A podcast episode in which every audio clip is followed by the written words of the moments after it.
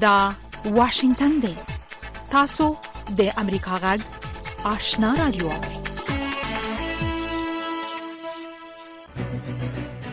قدرمن اوریدونکو السلام علیکم زه شافیا سردار یم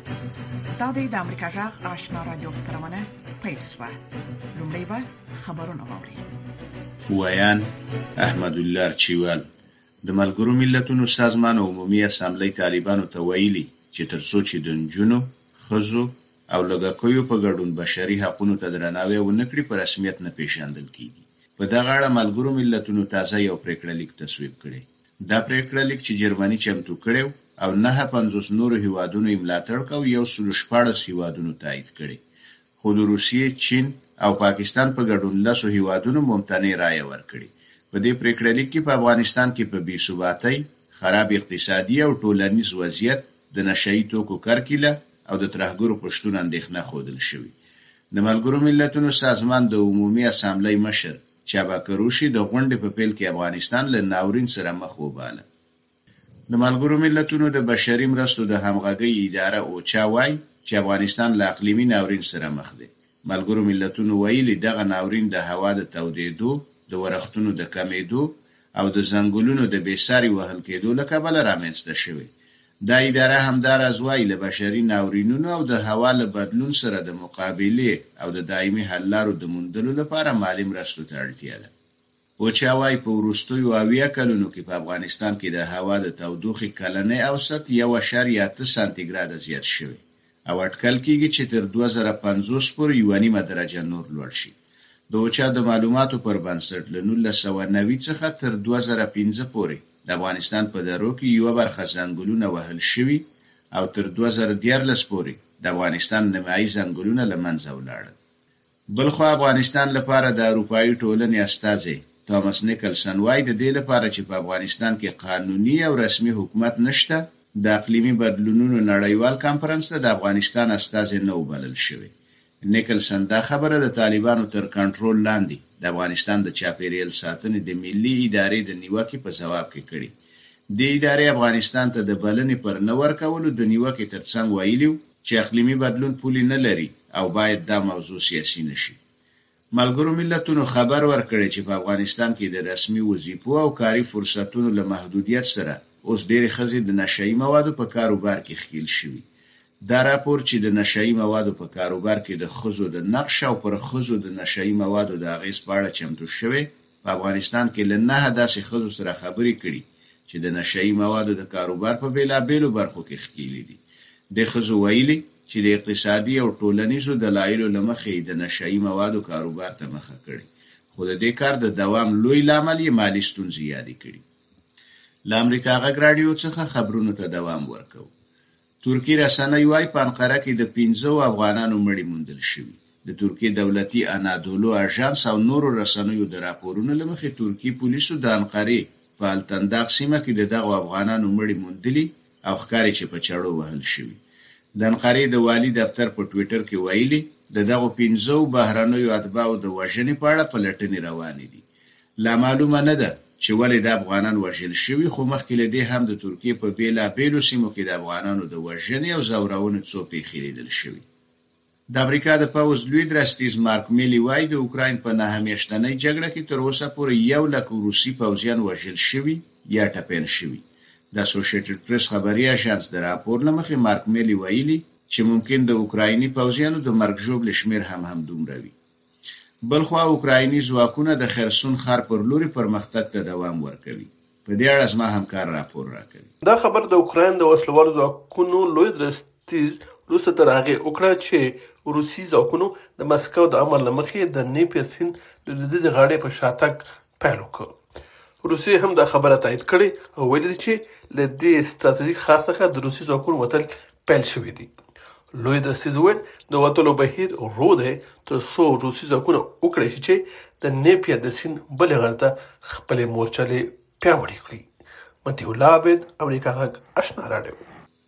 د بلجیم پلازمېنه بروکسل کې ځايي چارواکي وايي، د چاقو یوه برید کې یو پولیس افسر وژل شوی او یو بل ټپي شوی دی. دواړه پولیس د بروکسل شمالي ریل ګاډي تم ځای ته نژدې له برید وروسته په ټپي حالت کې پرون مازدیګر روغتون ته لېږدول شوي وو. د ځايي رسنیو راپورونو کې ویل شوي، بریدګر هم د پېښې ځای کې ویشتل شوي او وژل شوي دي. د پېښې انګېزه تر اوسه نه ده معلومه، خو د ترهګرۍ ضد ځايي چارواکي وايي، دوی د پېښې په هکله پلټنه پېل کړې. دا و د دې ساعت خبرونه چې تاسو ته مو په واشنګټن کې د امریکا غږ له سټوډیو وړاندې کړل.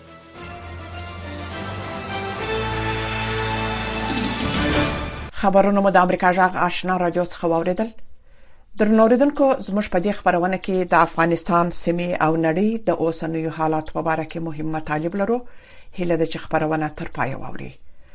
لومړی به دا راپورټ واوري چې چین له افغانستان څخه دغه هیواد ته پر 98% صادراتي توکو ګمرکي تعرفه معاف کړې دي د افغانستان سوداګر د دې پریکړې هرکلی کوي خو وایي چې چین سره په هوایي ډګرونو او سرحدي بندرونو کې د خدماتو د محصول پر ستلو باید خبرې وسي تر خدماتي محصول زیات وانخستل سي په دې اړه کې له کابل څخه اکرام شنواری رپورت لري کابل کې د چین سفیر وانګ یو له افغانستان څخه چین ته په صادراتي توکو سره تر 90% پورې د محصول اخیستل د صفر کچې ته د ټیټېدلو خبر ورکړی دی وانګ یو د خپل ټوئیټر په پاڼه لیکلي چې دغه پریکړې لمخې به د روان 2022 میلادي کال د دسمبر د میاشتې له لومړۍ ورځې عمل پیل شي او د هغو توکو څخه چې اوس مهال ترې محصول اخیستل کېږي، له دې نېټې وروسته به اته نوي فیصده توکي به د محصول له ورکولو معاف شي. د چین سفیر ویلي، دا پرېکړه به د افغانستان په اقتصادي وده کې مرسته وکړي. د طالبانو د حکومت د صنعت او سوداګرۍ وزارت ویاند اخوندزاده عبدالسلام جواد امریکا غږ سره په مرکه کې د چین دا پرېکړه وستایله او ویل چې د ګمرکي محصول د نه اخیستلو په دې پرېکړه کې په سلګونو صادراتي توکي شامل دي. خوشبختانه کشور چین ښاغلي جوادي وویل، له نېکه مرغه چین پر اته نوي فیصده صادراتي توکو باندې مالیاتي تعرفې اخیستل معاف کړي چې شمېر یې څلور سوه زرو کلمو ته رسېږي. دا د سوداګرو، د افغانستان خلکو، د صنایعو او خصوصي سکټور لپاره یو ښه زېری دی.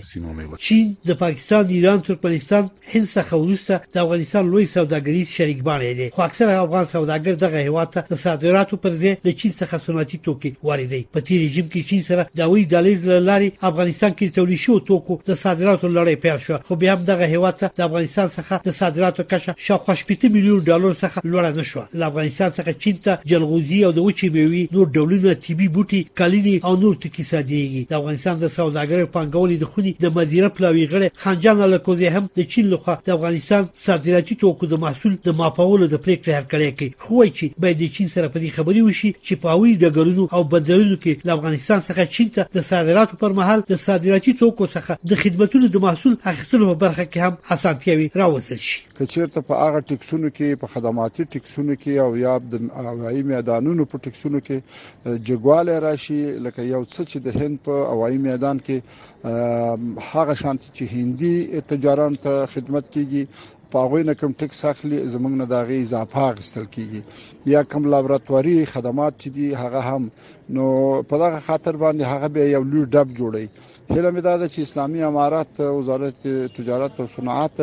مخکې د مخکې نه د چین سره په دې میکانیزم خبرې وکړي اوس زموږ جلغوزي چین ته روان دي محصول ورکوو په پخواني سیستم روان دي هم ستونزې شته د افغانستان د سوداګرۍ او پانګونې خونې دغه چارواکی وایي د چین د دې پریکړې د مخه هندوستان د نږدې پنځلس کلونو راهیسې د افغانستان په صادراتي توکو د محصول اخیستل معاف کړي چې له همدې له امله دا هېواد د افغانستان تر ټولو لوی سوداګریز شریک باڼی دی خان جان الکوزي ویل چې اوس چین ته د افغانستان څخه د جلغوزو په ګډون وچه مېوه ځي چې د پخواني سیستم پر اساس دغه هیواد ته صادریږي چې لامل د صادراتو د لیګد بهیر زیات وخت اخلي او تر ډیره مالونه په وی ډګرونو کې بند پاتې کی د طالبانو په د اوګ ځن ورسته چې تداوی د لیګد لارې د جلغوزو صادرات تیر میاش پیل کړل چې د روان کال له پیل څخه تر اوسه له 2500 ټنو څخه زیات جلغوزي دغه هیواد ته صادر شوې دي صنعت او سوداګرۍ وزارت وایي چې تمه لري چې سکل به تر 10000 ټنو پورې جلغوزي چین ته صادر کړي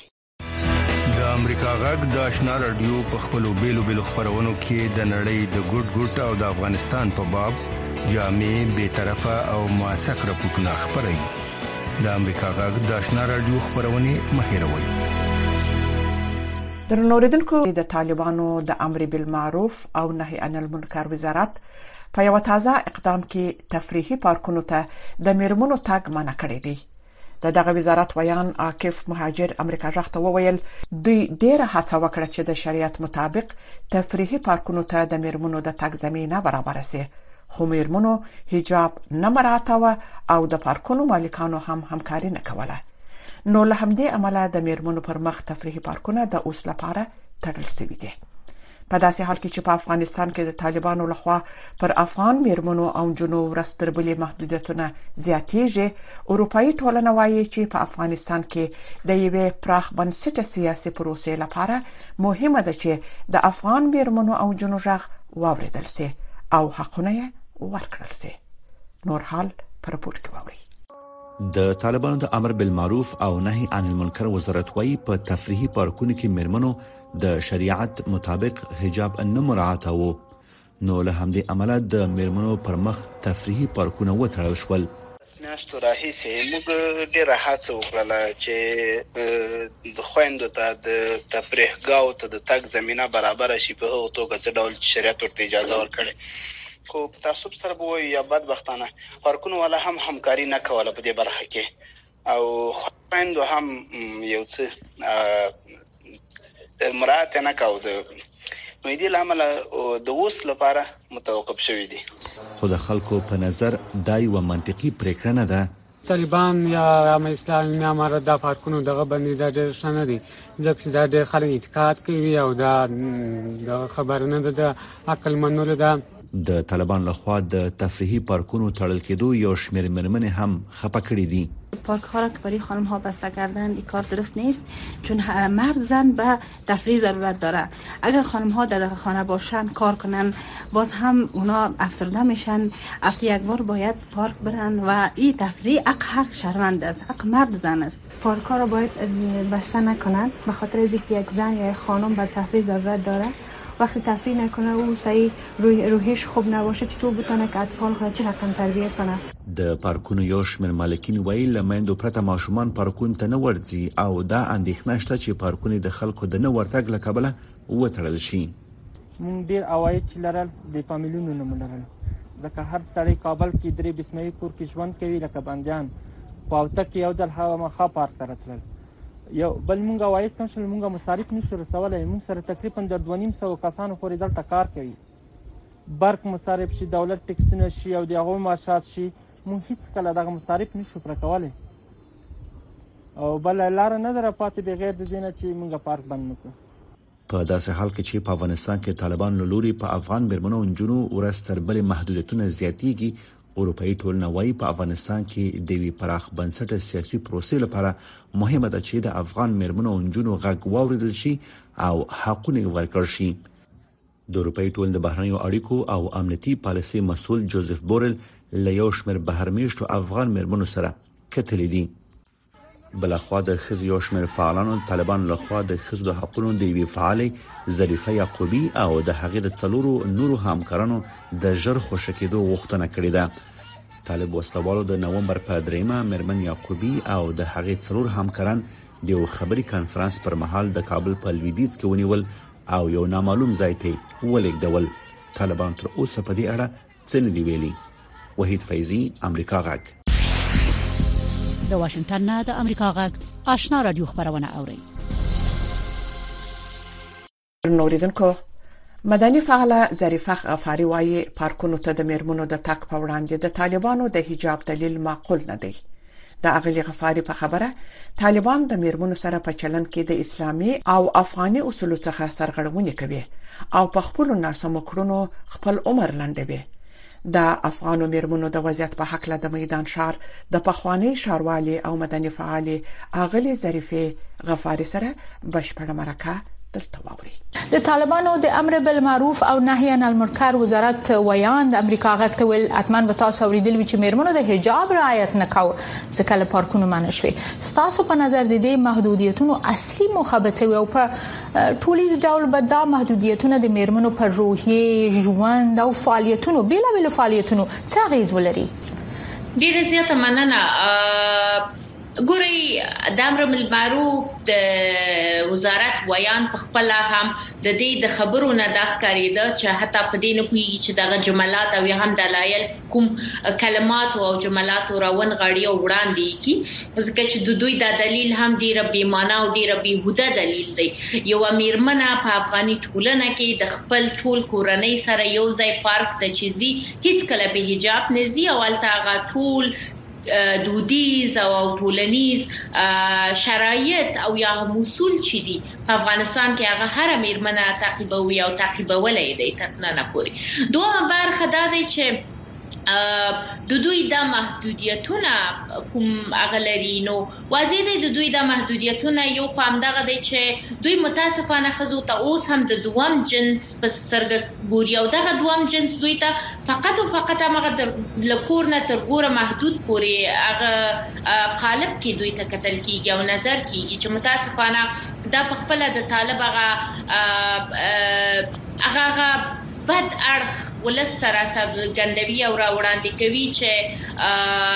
بيا هم ولس همغه نويم کلونو هغو ته به ځي ورسره او د افغان ميرمنو وضعيت به ورځ تر بلې نه يوازې دا چې په ټوليزه بڼه بلکې په روحي هغه باندې هم په ټوله مانا به دغه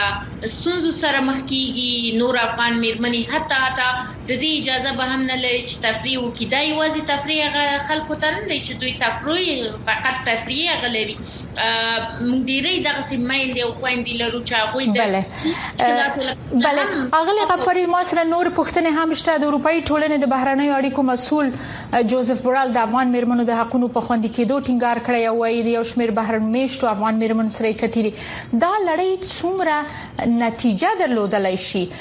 او دا او څو وخت به نړۍ د خبرو پر ځای عملاً د خزو اغیزناک ملاتړ وکړي تاسو په نظر په ټوله کې زه متاسفانه هیڅ نه باورمن نه یم د دې لپاره چې نړۍ وغوړي افغانستان کې وضعیت کې بدلون راشي او بل خصوص د افغان میرمنو په وضعیت کې کچېری نړۍ د غشي تجمن وای د دوه د تړون نه مخکې دغه سره کرخه ته دوی به اشاره کړې وای او دوی ته به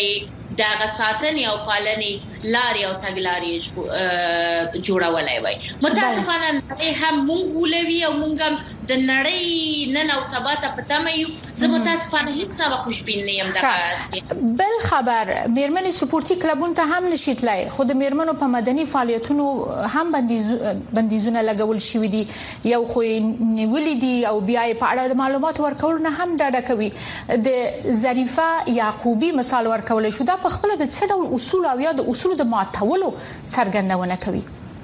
دا نه یوازې چې اسلامي اصول ماتولو څرګندونه کوي بلکې د افغان دروند او او ډیر عزتمند کلتور او هغه اصول ماتولو هغه په معنا دی ځکه چې د افغانستان د ننه دا واقعا هیڅ هیڅ یو یو یو ټولنه کې هیڅ یو قبيله او قوم کې دا غنه دی چې د یو کور پیغله انجلۍ له ځان سره یوسي او بیا معلومات هم پاړه نه ورکوي کدی نه نیولې تر ټولو هر هغه پوری نو طالبان دغه کارو سره نه وځ دا چې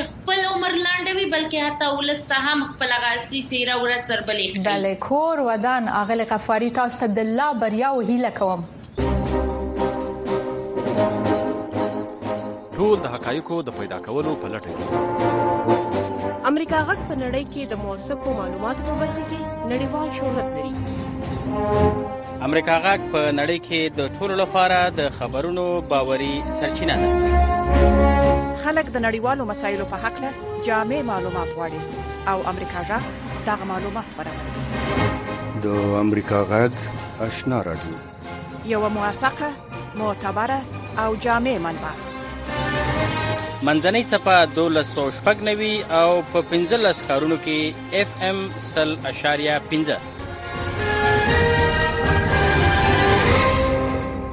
درنو اورېدونکو په کابل کې د پولیو د محوې بیړنۍ مرکز وايي ګواښنونکي احتمال شته چې د پاکستان له قبایلي سیمو یو ځل بیا افغانستان ته د پولیو وایروس انتقال په اسانۍ وشي ځکه چې د ډیورن کرښې دواړو غاړو ته پراته خلک راشه درشه لري او سږ کال دغه هیواد کې د پولیو شل مثبت پیښې ثبت شوې دي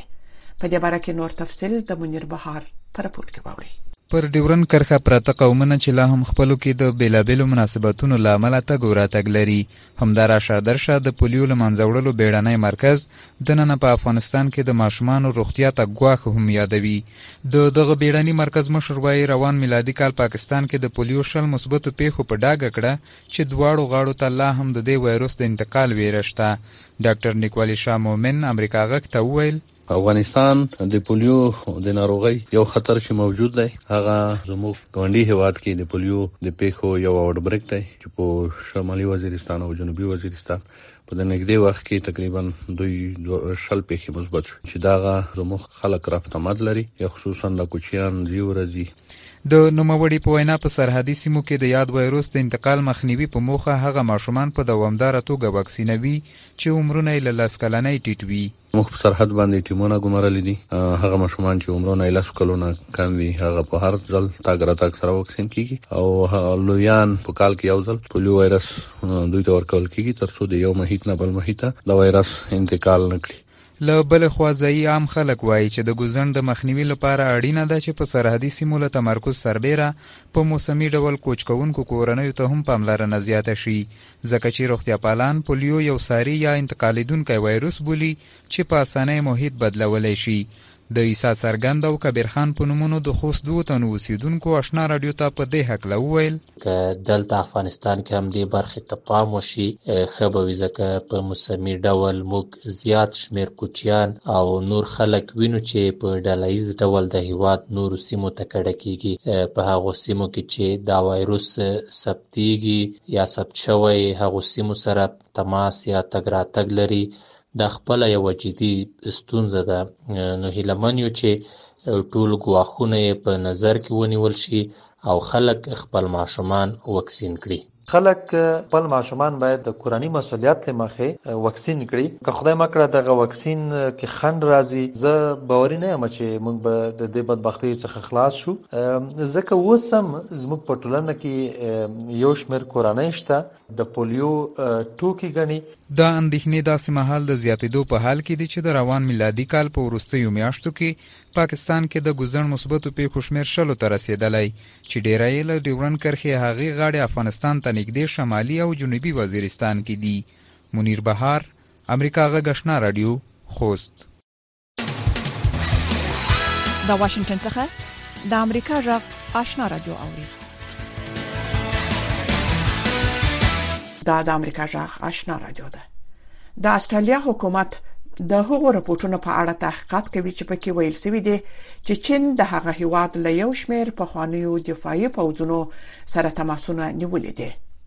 د سیدنی څخه د امریکا غږ د خبريال فرمج سر د رالیږلي رپورټ خلاصه سید سلیمان شاه تاسو ته دراوړوي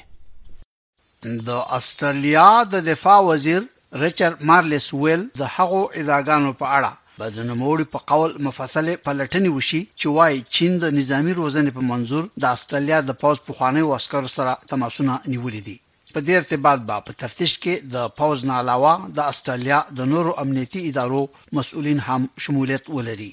که څه هم چې مارلس دا خبره په یقیني توګه ونه کړه چې آیا تر اوسه د اسټرالیا د پوځ کومو سابقه دارو عسکرو د چین پوځ ته نظامي روزنه ورکړې او که نه، زیاته یې کړله چې د څو قضیو په اړه تحقیقات جاري دي.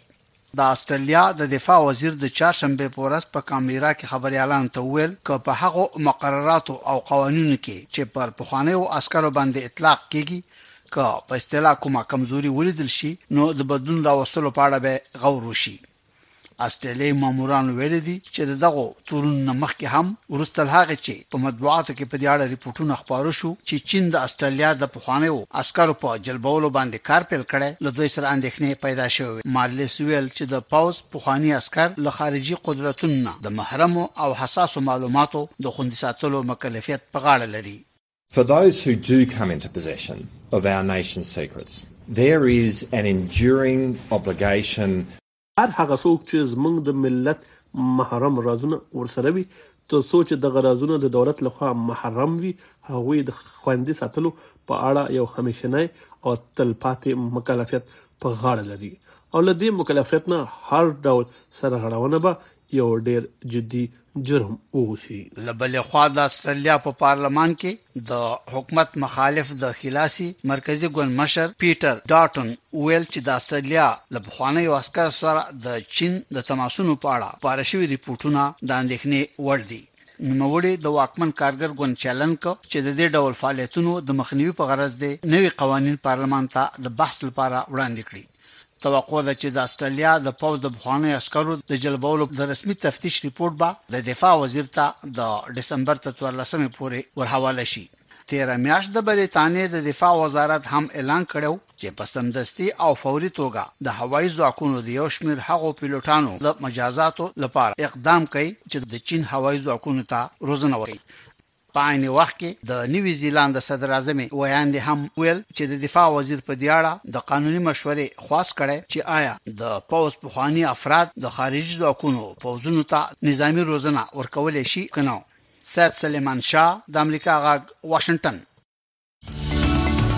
کاغوري چې هر وخت د نړۍ او افغانستان په اړه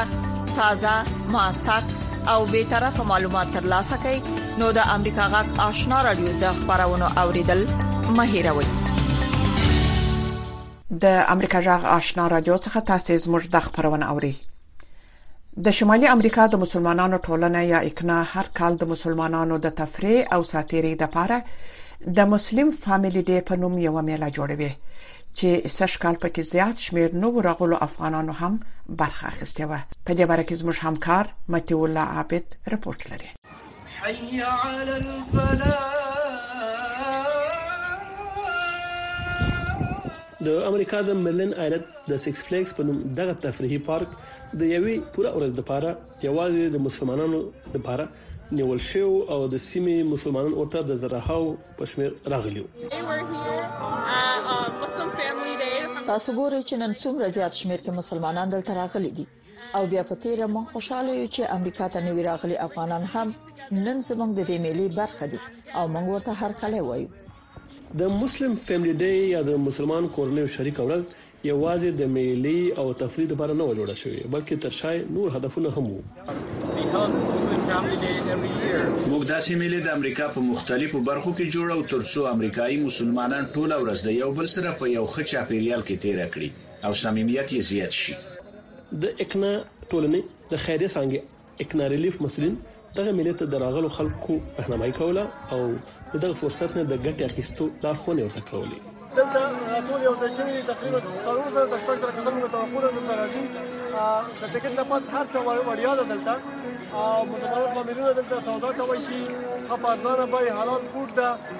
د لوبو سامانونه دي نو د مسلم اورګنایزیشن ادارې دي چې کوم وسایل او ریسورس لري چې هغه د مسلمانانو ګټه پورته کوي شي مونږ غواړو چې دلته راغلي مسلمانان کې یو خوا د خپل بچیانو سره ښه وخت تیروي نو ورسره د نورو دینی لارښوونو او امکاناتو نه هم خبر شي د امریکایي مسلمانانو لخوا جوړ شوې دې غونډه کې سږ کال مهمه خبره د هغو افغانانو راتګ و چې تېر یو کال کې امریکا ته راغلي وو او دلته یې د خپلو کورنیو سره ښه وخت تېر کړ او خپلو وطندارانو سره یې ولیدل. قدرمنو اورېدونکو، د خپرونې په پای کې به د خبرونو لنډیز واورئ. د ملګروملتونو سازمان عمومي اسمبلۍ طالبانو ته خبرداری ورکړی چې تر څو چې د نجونو، ښځو او لږکیو په ګډون بشري حقونو ته درناوی ونه کړي، په رسمیت نه پېژندل کېږي. په دغه اړه ملګروملتونو تازه یو پرېکړهلیک تصویب کړی. د ملګرو ملتونو د بشري مرستو د همغږۍ اداره، اوچا، وايي چې افغانستان له اقلیمي ناورین سره مخ دی. ملګرو ملتونو ویلي، دغه ناورین د هوا د تودېدو، د ورښتونو د کمېدو او د ځنګلونو د بېساري وهل کېدو له کبله رامنځته شوی. افغانستان لپاره د اروپايي ټولنې استازی تامس نیکلسن وايي، د دې لپاره چې په افغانستان کې قانوني او رسمي حکومت نشته، د اقلیمي بدلونونو نړیوال کانفرنس ته د افغانستان استازی نه و وربلل شوی. نیکلسن دا خبره د طالبانو تر کنټرول لاندې د افغانستان د چاپېریال ساتنې د ملي ادارې د نیوکې په ځواب کې کړې. ملګروملتونو خبر ورکړی چې په افغانستان کې د رسمي دندو او کاري فرصتونو له محدودیت سره اوس ډېرې ښځې د نشه يي موادو په کاروبار کې ښکېلې شوي.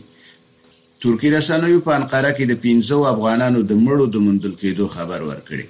د ترکي دولتي انادولو اژانس او نورو رسنیو د راپور له مخې ترکي پولیسو د انقرې په التنداق سیمه کې د دغو افغانانو مړي موندلي او ښکاري چې په چړو وهل شوي.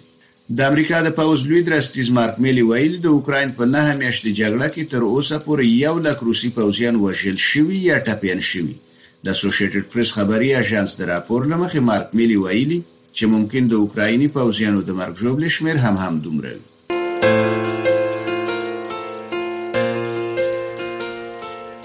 درنو لیدونکو زموږ د خبرونه په همدې ځای پای ته ورسیده د امریکا جغ آشنا را دوه خبرونه دوام لري